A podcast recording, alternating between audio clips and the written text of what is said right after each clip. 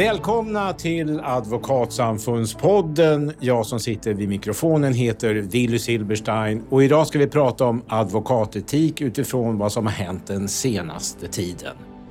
För ganska exakt ett år sedan så uteslöts två advokater ur samfundet och vår första podd handlade om det ärendet.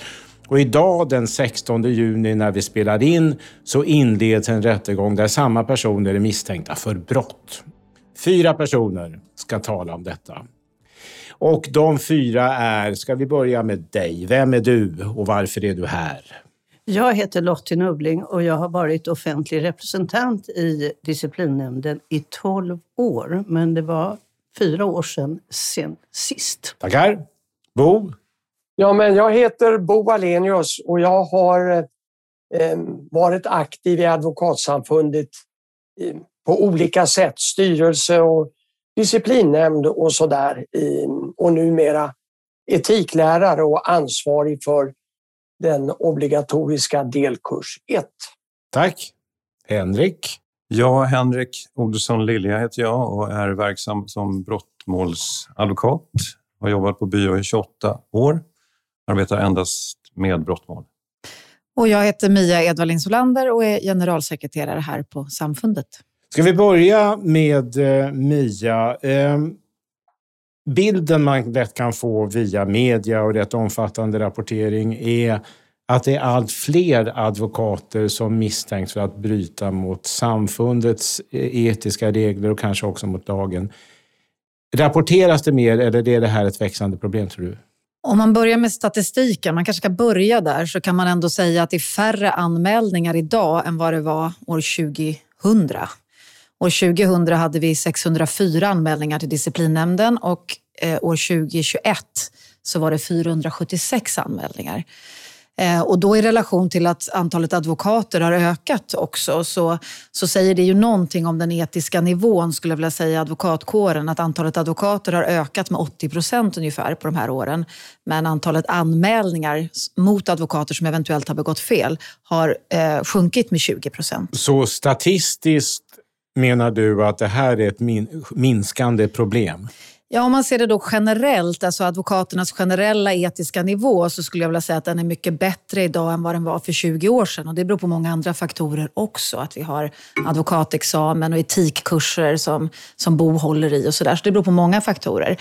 Sen är det ju lite grann en annan fråga hur då eh, viss etik ser ut idag och var det finns problematik och så. Det betyder ju inte att, vi, att det inte finns viss problematik ändå. För man kan ju tänka sig, okej, okay, färre advokater, men det de misstänks och i vissa fall fälls för är grövre överträdelser än det var jämförelseåret 2000. Tror du det? Nej, men alltså, tittar man på statistik igen så kan man säga att 2016 uteslöts det sex advokater. Eh, och det är fler än någonsin något annat år. Så att det, det går inte riktigt att göra sådana förenklade, eh, tycker jag, antaganden. Och förra året då uteslöts det fyra. Men det som vi kanske ska prata om idag och det som liksom är, är, relevant och angeläget att prata om tycker jag, det är ju just brottmålsadvokaternas etik. För att de här eh, uteslutningarna som vi hade förra året, alla de fyra handlade om restriktionsbrott.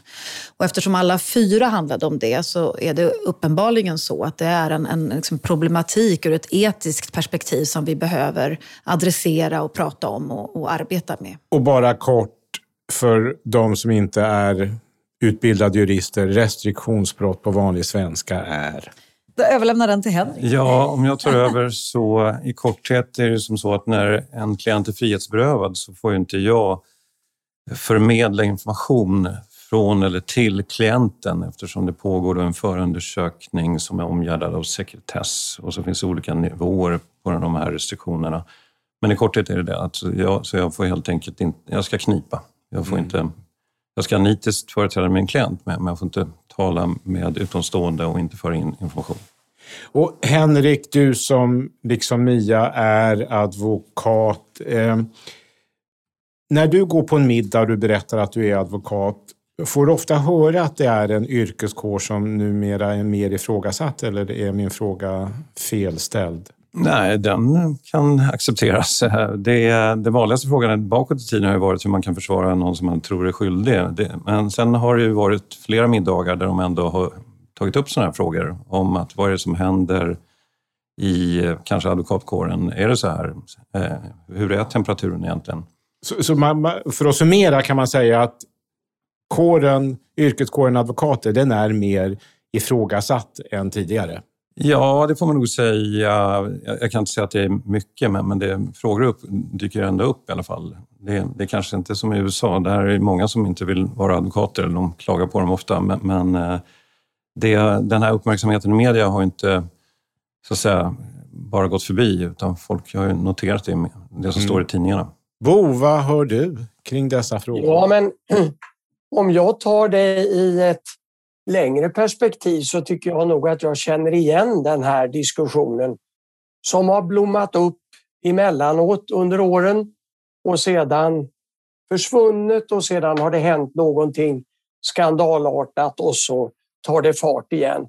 Det har ju mycket handlat om bland annat om, om vår tillsyn, om den är, är tillräcklig och så där. Den frågan tycker jag är väl utredd. Man har konstaterat att, att, eh, att det inte är något problem. Jag, jag, jag tycker inte att det här skiljer sig från sådana här eh, återkommande diskussioner som jag har hört eh, under åren, även om det just de här, det allra sista här nu, sista året, har ju varit väldigt tråkigt. Mm.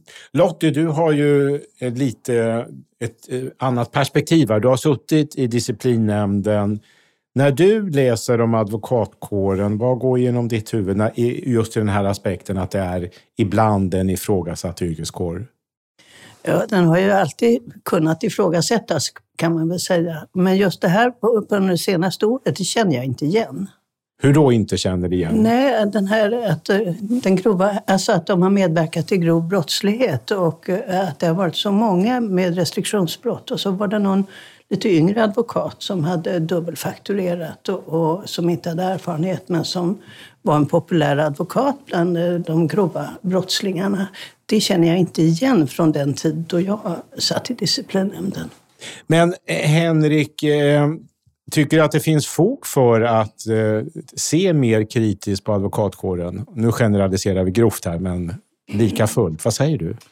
Eh, det vet jag inte. Det som har uppmärksammats senaste tiden, det som avhandlas idag i Södertörns tingsrätt, skulle jag påstå är ett extremfall.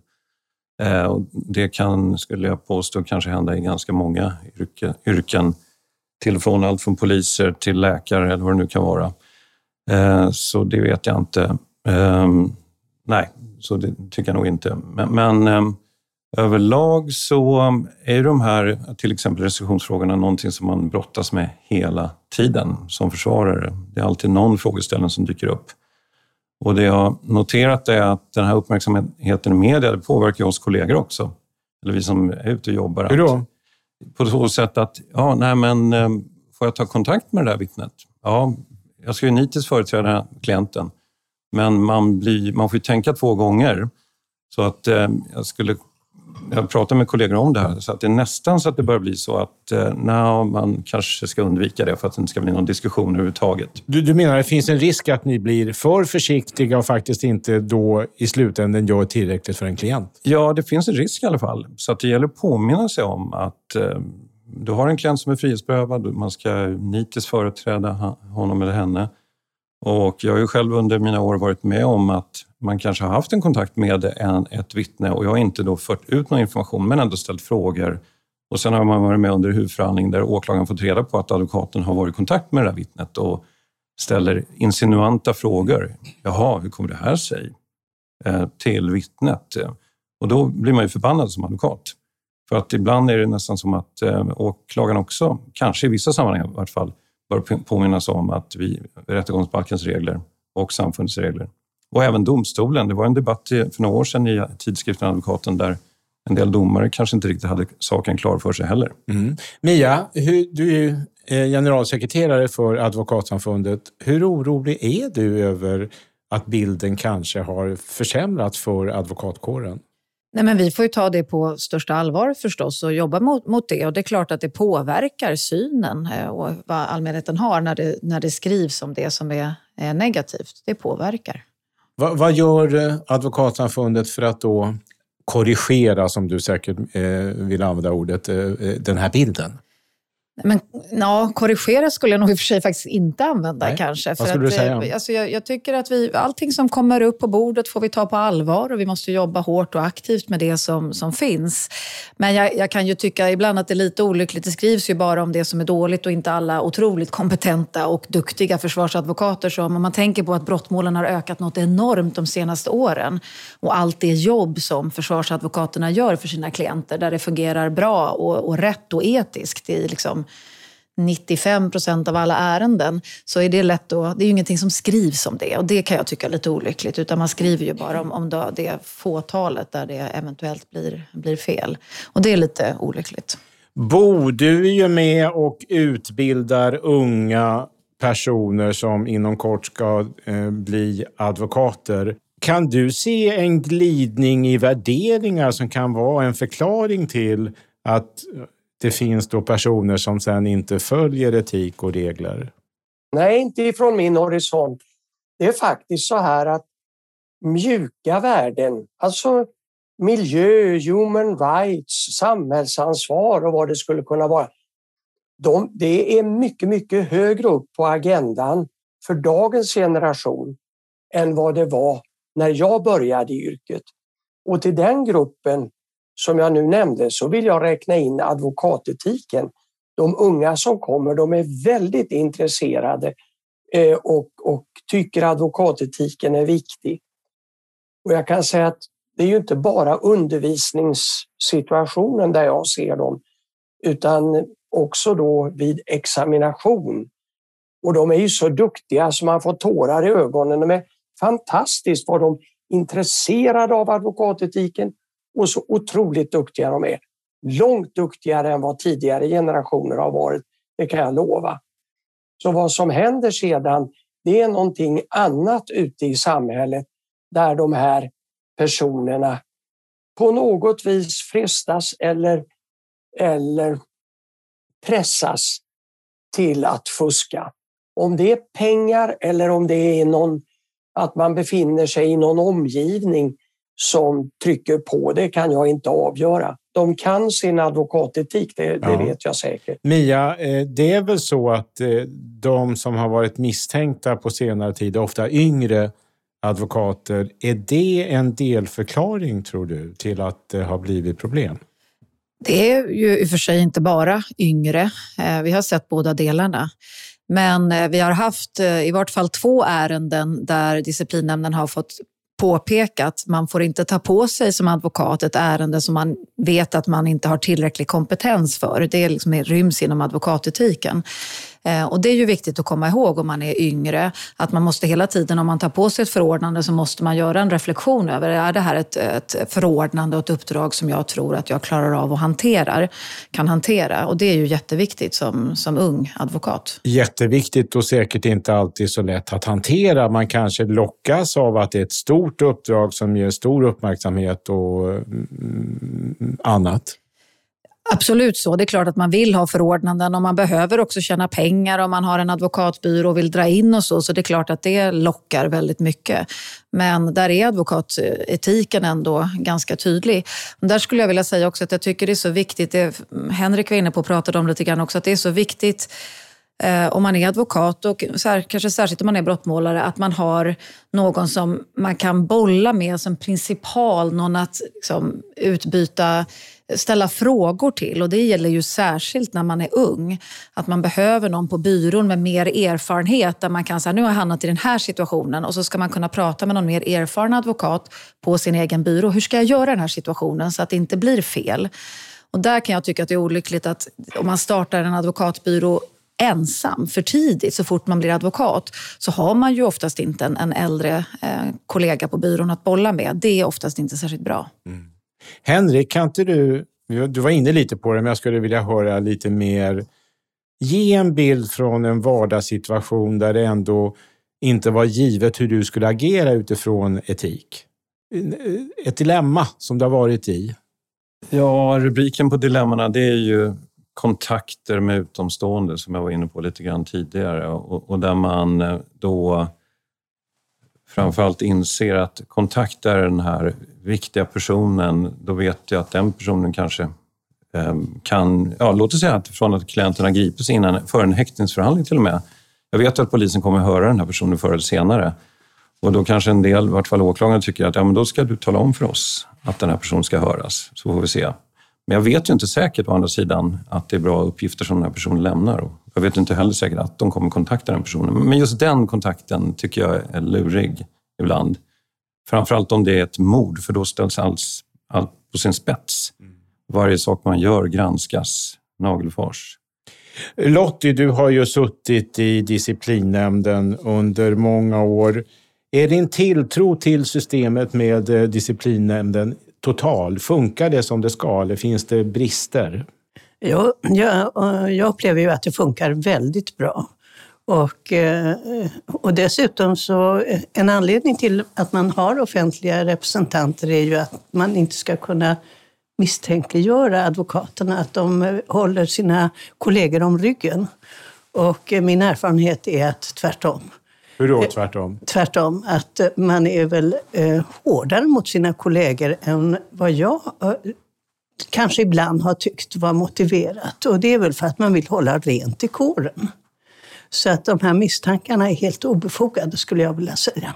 För det finns ju ändå en diskussion, Mia, om ska verkligen advokater döma, eller vilket ord man nu använder, kollegor? Borde inte det vara en annan, mer distanserad instans? Ja, det, den diskussionen finns absolut. Men det, det, första svaret på det är ju att anledningen att det är så är att Advokatsamfundet och advokater ska kunna vara helt oberoende från staten och, och myndigheter. Att staten ska aldrig kunna lägga sig i vilka advokater som försvarar särskilda personer på det viset. Så att vi ska ha ett oberoende och heller inte kunna bestämma att den här advokaten ska uteslutas nu för den advokaten verkar besvärlig. Så därför är oberoendet väldigt eh, viktigt. Men sen är ju det andra, och det är ju Lottie ett bra exempel på, det är ju inte bara advokater heller, utan dels så är det tre offentliga representanter i disciplinnämnden och alla beslut skickas ju till justitiekanslern. Så att på det viset så tycker jag ibland att det blir en missuppfattning när man säger att det är bara advokater som granskar advokater och det, det är det ju faktiskt inte, utan JK granskar alla beslut. Nu säger ju Lottie att det är tvärtom. Jag frågar dig ändå, finns det en risk att eh, advokat parter håller varandra om ryggen och inte är tillräckligt oberoende eller eh, ja, objektivt dömande i disciplinnämnden? Inte disciplinnämnden. Absolut inte. Kategoriskt? Ja, nej, men jag sitter också med. Jag är ju inte en del av disciplinnämnden, men jag sitter med vid de mötena och kan skriva mig skiljaktig. Min uppfattning är också att det absolut inte är så, utan snarare som, som Lottie säger. Och det är, då ska man komma ihåg det också att det är så viktigt att det är advokater med i disciplinnämnden också, för det är de som kan advokatetiken inifrån så att säga och har varit med i egna situationer. Jag har ju jobbat som, som advokat i många år innan jag blev generalsekreterare. Jag känner ju igen jättemånga situationer som då kanske oftast handlar om familjerättsadvokater. Ehm, och det, den kunskapen är nödvändig skulle jag vilja säga för att man ska landa i rätt beslut. Bo, tror du att det finns en risk att människor ändå säger ja, ja, advokatkåren håller varandra om ryggen? Vad säger du? Den risken finns säkert vi vet ju att det här är ju granskat i ett par omgångar och, och eh, där man har funnit att, att tillsynen fungerar väldigt väl genom disciplinnämnden. Men i tillägg till det här viktiga som Mia säger att, att ska vi vara fria och självständiga oberoende advokater så måste vi också sköta tillsynen. Så kommer en annan aspekt som jag tycker är viktig just där och det är det att begreppet god advokatsed det, det är ju en värdegrund som har funnits så länge, sedan, så länge Advokatsamfundet har funnits. Men och våra värderingar, de ligger fast. Men verkligheten förändras och god advokatsed måste kunna anpassas i tiden på olika situationer. Och disciplinnämnden har ju som en uppgift och kanske i vissa avseenden tycker jag den viktigaste, att utforma god advokatsed över tiden.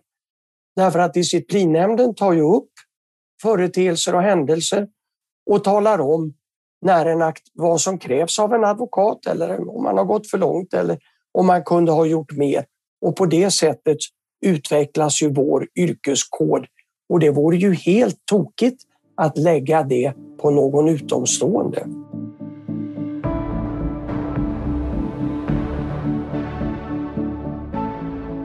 Lottie, kan du ta med oss, eh, vi som inte har eh, djup kunskap om disciplinnämnden. Be berätta för oss att vi förstår hur oerhört noggrant och minutiöst ni jobbar. I bara några meningar dock, men lika fullt. Självaste sammanträdena i disciplinnämnden är ett koncentrat kan man säga av det arbete som eh, ligger i förberedelserna. Man får enorma mängder. När jag började i disciplinnämnden, då var Bo med, Eh, då fick vi allt på papper och då hade man rullväskor med papper som alla hade läst och eh, väl pålästa. Och sen eh, var och en ledamot fick föredra ärenden för även de offentliga representanterna som inte var advokater. Alltså. Och sen är det ju en väldigt öppen och eh, intressant diskussion skulle jag vilja säga i de lite svårare ärendena. Det finns ju också rätt bagatellartade ärenden. Men är det ungefär som en vanlig rättegång? Nej, det är det ju inte. För man, ja, det har man. På de muntliga förhandlingarna så är det ju det. Men man kan säga att eh, på jag är ju domstolsjurist i botten och då kan man säga att eh, föredragningarna är ju som vid en föredragning i domstol. Mm. Mia, finns det en, ett problem i att ni till en del i alla fall går på medieuppgifter, att om media skriver om och ifrågasätter advokater, då kan det bli ett fall i disciplinnämnden, att ni missar en del ärenden?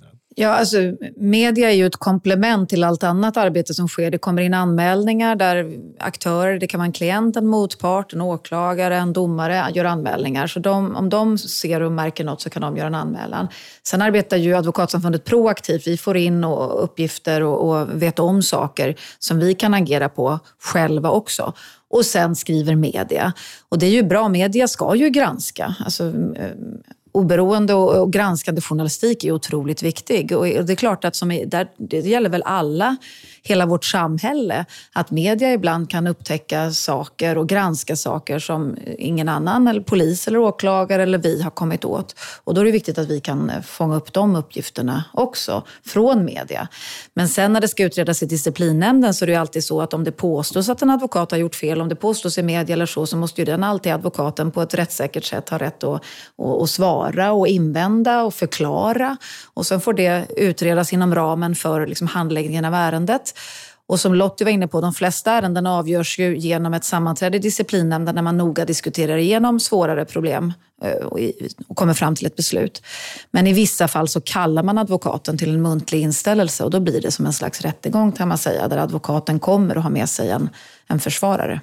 Henrik, tror du att brottsligheten kan ha förändrats så att den är duktigare på att eh, sy upp advokater och, så att de kom, det blir kletigt? Eh, ja, att man eh, har eh, någon favoritadvokat eh, som eh, klienten redan vet om eller som man har fått tips om innan och eh, dessutom inom den organiserade brottsligheten, om den nu finns, men eh, påstås ju det, så tror jag det, om jag för nu, om jag går flera år tillbaka. Eh, det talas ju om organiserad brottslighet och absolut, så att det där är, det är ett mer professionellt tillvägagångssätt där eh, med olika grupperingar. Så att, och det byts advokater och, och det vaskas fram de sina favoriter efter ett tag. Så att eh, det, det, det, det är mer utmejslat och tydligt. Har, har, du själv märkt av det här någon gång? Det kanske inte du vill prata om? Ja, men alltså det kan hända att man, eh, någon har haft en advokat och sen så Ehm, byter de kanske till mig då, eller liknande.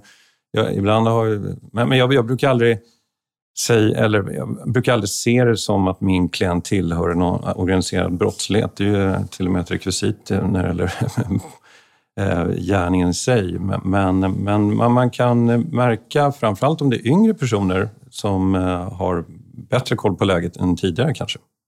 Mm. Det är väl för sig, måste jag lägga till, då, det är ja. inget fel i sig att man vill ha en särskild advokat, utan så ska man verkligen kunna ha inte. det. Att Henrik Olsson Lilja är den bästa, honom vill jag ha. Så är det ju ofta. Och det är ju, ja, Tack. Så, så, ska det ju vara.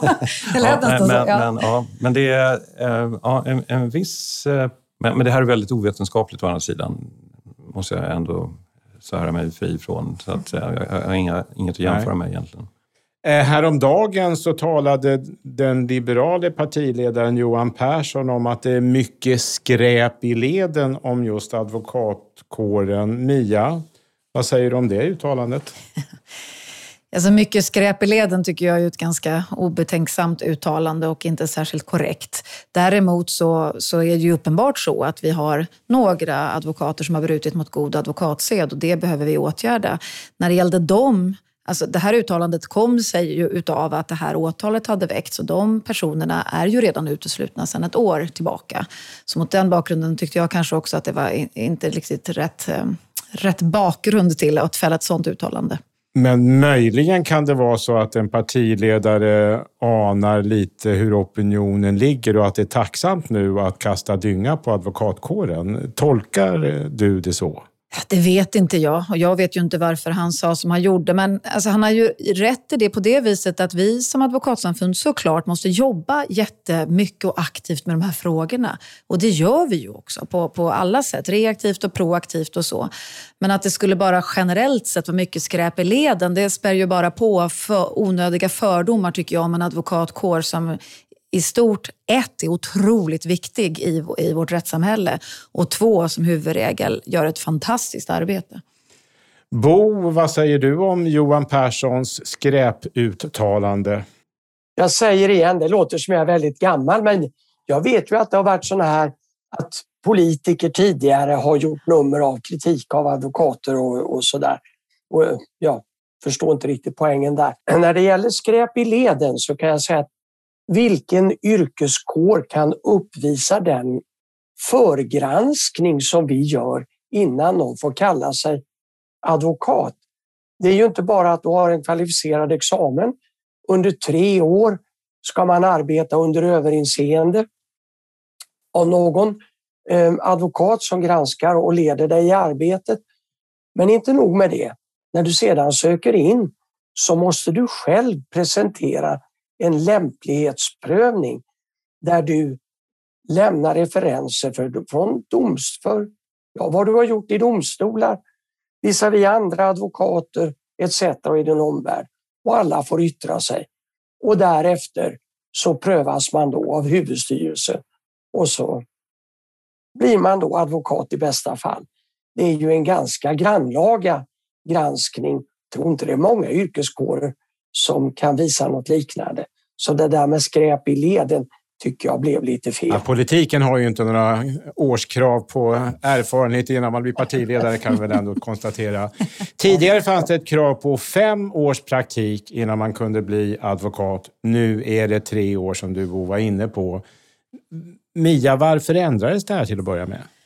Det hade främst att göra med en EU-reglering och en harmonisering inom EU. Att vi var ett av de få länder som hade fem år innan man kan bli advokat. De flesta länder hade tre år. Så att det var en harmonisering inom EU främst. Och kan det här på något sätt vara en delförklaring till de problem vi diskuterar här idag? Det tror inte jag. Då hade vi dessutom sett det här tidigare, så här har det ju varit ett antal år nu, så det, det tror inte jag. Um, och jag tror inte heller om man tänker på, jag vet inte vad Henrik säger om det, men om man tänker på just offentliga försvarare, så även om man skulle jobba i fem år så kan man ju ändå inte ta på sig uppdrag som offentlig försvarare, för då ska man som huvudregel vara advokat. Så att jag tror inte att det skulle göra jättestor eh, skillnad eh, faktiskt med, med två år till. Däremot, och det är en annan fråga, när det gäller just offentlig försvarare så är det ju så att vissa typer av uppdrag helt klart kräver erfarenhet och kompetens. Alltså brottmålsuppdragen kan ju se ut på väldigt olika sätt i olika typer av brottslighet. Om de är svåra eller mindre svåra. Och de svårare typerna av uppdrag, där kan man nog ställa sig frågan... Alltså domstolen ska ju förordna en advokat som är lämplig för uppdraget. Och då är ju inte alltid de minst erfarna advokaterna lämpliga för stora mordmål till exempel, skulle jag säga. Så där behöver man nog fundera. Så jag tror det handlar snarare om det än att man ska jobba som biträdande jurist i, i ytterligare år för att, och, eh, bli bättre. Men betyder det att du ändå kan tänka dig någon annan form av regelförändring för att säkerställa att advokater är tillräckligt erfarna och så vidare? Alltså jag har sagt förut att just när det gäller försvararuppdraget så tror jag att man kanske eventuellt skulle se över att, att man har en, eh, kommer fram till att man ska ha en viss särskild erfarenhet innan man får ta på sig vissa typer av uppdrag. Till exempel att man tittar på påföljden. Om vi har ett brott där det är minst två års fängelse i straffskalan som, som lägst så kanske man ska kräva, då kan inte vi har ju ett, ett, ehm, fritt advokatval. En klient ska kunna välja advokat. Men i de ärendena kanske man ska säga att du kan inte välja mellan alla advokater utan du får välja mellan de här advokaterna som har arbetat x antal år eller som har haft ett antal uppdrag tidigare som är tillräckligt erfarna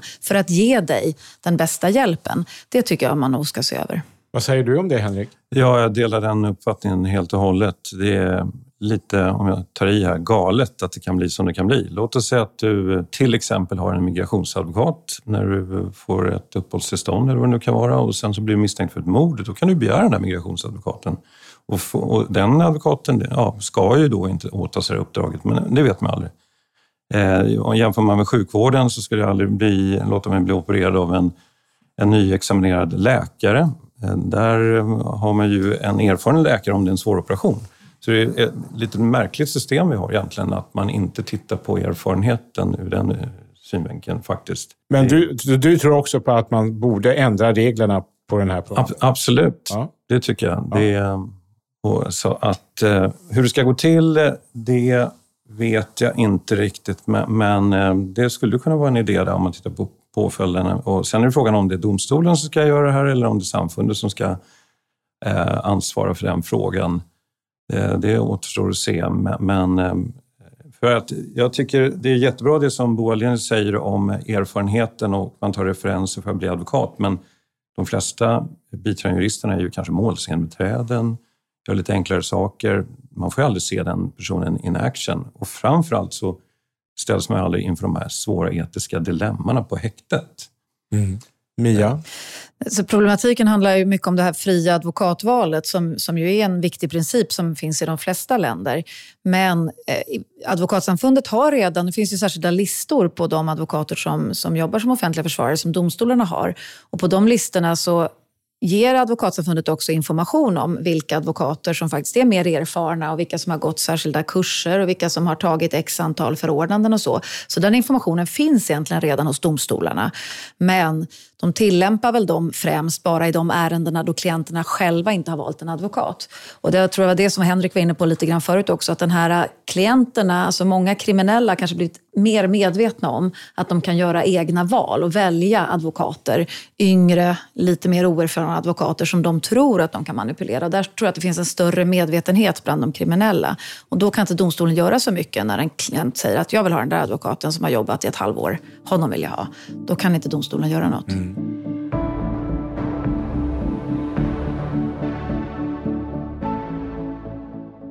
Jag tänkte vi skulle gå laget runt. Eh, vi har ju diskuterat då renommet för advokater och vi har, disciplinnämnden är ju en instans som stärker förtroendet och det finns annat. Advokatsamfundet gör mycket. Men något förslag från var och en ytterligare. Vad kan göras ytterligare för att stärka förtroendet för advokatkåren? Lottie, vad säger du? Jag tror informera, informera vad man gör. Eh, för att man gör ju väldigt mycket och det ställs stora krav på advokater. Och sen så finns det de här olycksfallen i arbetet kan man väl säga. Mm. Bo? Ja, men jag håller väl med om det. Och sen så, jag tycker som Mia och Henrik säger där att jag tycker inte att det vore så särskilt dramatiskt att ha en högre nivå, att kräva något mer för de försvarare som ska uppträda i mer avancerade mål konkursförvaltare till exempel. Det är ju ingenting du kan välja en konkursförvaltare hur som helst utan det ställs då alldeles speciella krav innan man kan komma i fråga som konkursförvaltare. Så jag tycker för mig eh, låter det inte så där jättedramatiskt att göra den förändringen. Henrik? Ja, nej, men de eh, fortsätter med arbetet med att, eh, som samfundet gör, med utbildning och sånt, men lägga till det här så att man får the silk, om vi översätter till engelska termer, att det är bara vissa speciella mål som man blir accepterad Eh, och sen också, det jobbar säkert samfundet med, med transparensen så att folk vet vad disciplinnämnden gör. Eh, jag vet inte, ibland är det lite svårt att hitta de här avgörandena kanske. Det kanske finns saker man kan göra där. Eh, bara för att se att... Eh, och jag som advokat vill jag säga att man, man känner ändå full respekt om man ehm, vet att någonting hanteras av samfundet och kollegorna i disciplinnämnden. Så att det är verkligen inga, det är ingen ehm, ja, skön tillvaro att bli anmäld som advokat, för då vet man att nu får man eh, verkligen svara rätt här. Alla, de flesta advokater blir säkert anmälda någon gång för någonting. Det är ju väldigt lätt egentligen. Men, men så att eh, jag, jag, tycker, eh, fortsätter man med det här arbetet som man har gjort plus den här The Silk, då tycker jag att det blir mer värdigt. Mia, jag håller med om, om vad som har sagts, men jag tänker också att Advokatsamfundet måste fortsätta att jobba även proaktivt. Att försöka fånga upp saker förstås innan det händer. Och Det kan vi göra på många, många olika sätt. Jag ska inte gå in på alla dem kanske nu, men, men det gör vi och där tror jag att vi kan förstärka ännu mer, att jobba ännu mer proaktivt. Känner du dig som generalsekreterare för Advokatsamfundet pressad? Inte pressad, men jag tar de här frågorna på absolut största allvar eh, och jobbar hårt och aktivt med det, för det är otroligt viktigt. Ja. Hörrni, eh, jag har inga fler frågor, men jag känner, är det någonting som jag borde ha frågat? Sitter ni och klämmer på någonting? Så, ja, men det här är ju, vill jag säga. Finns det något sånt? Upp med en hand. Henrik? Ja, jag kan ju även gå in på den här företeelsen med att man som advokat eh, får klienter som begär en, även om man är ung. Och ett stort eh, eh, en, en vedklyvare, det var ju att samfundet avskaffade den här med, ja, förbudet mer eller mindre mot att göra reklam. Och sen har ju sociala medier kommit in de senaste åren och unga personer, unga advokater gör det här fantastiskt bra får man säga och de är väldigt duktiga. Så det kan också vara en förklaring till att, eh, att kunderna även väljer de advokaterna. Det, det är en stor skillnad jämfört med tidigare. Då, visste de, då kunde man ju bara läsa i tidningen kanske om någon känd advokat liknande. Men, men nu det gäller det att ha många följare. Så det, det, men det är bara en betraktelse. Är det bara av godo? Eh, Nja, alltså det, det onda i det här det är ju att de som följer den här advokaten kanske inte alltid inser att det här är en advokat som har stor erfarenhet. Och, och det är som jag sa tidigare, det gäller att ha en en duktig läkare som opererade med och eh, jag brukar ibland citera det här, experience is a brutal master.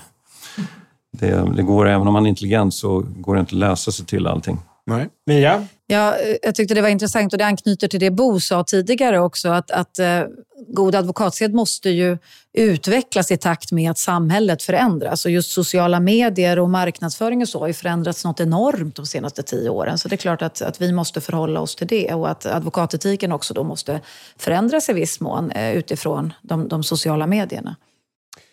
Det får bli kloka slutord. Jag tackar Henrik Olsson Lilja, Bo Alenius, Lottie Nordling och Mia Edvall Insulander. Och inte minst tack till alla er som har lyssnat. Tack ska ni ha.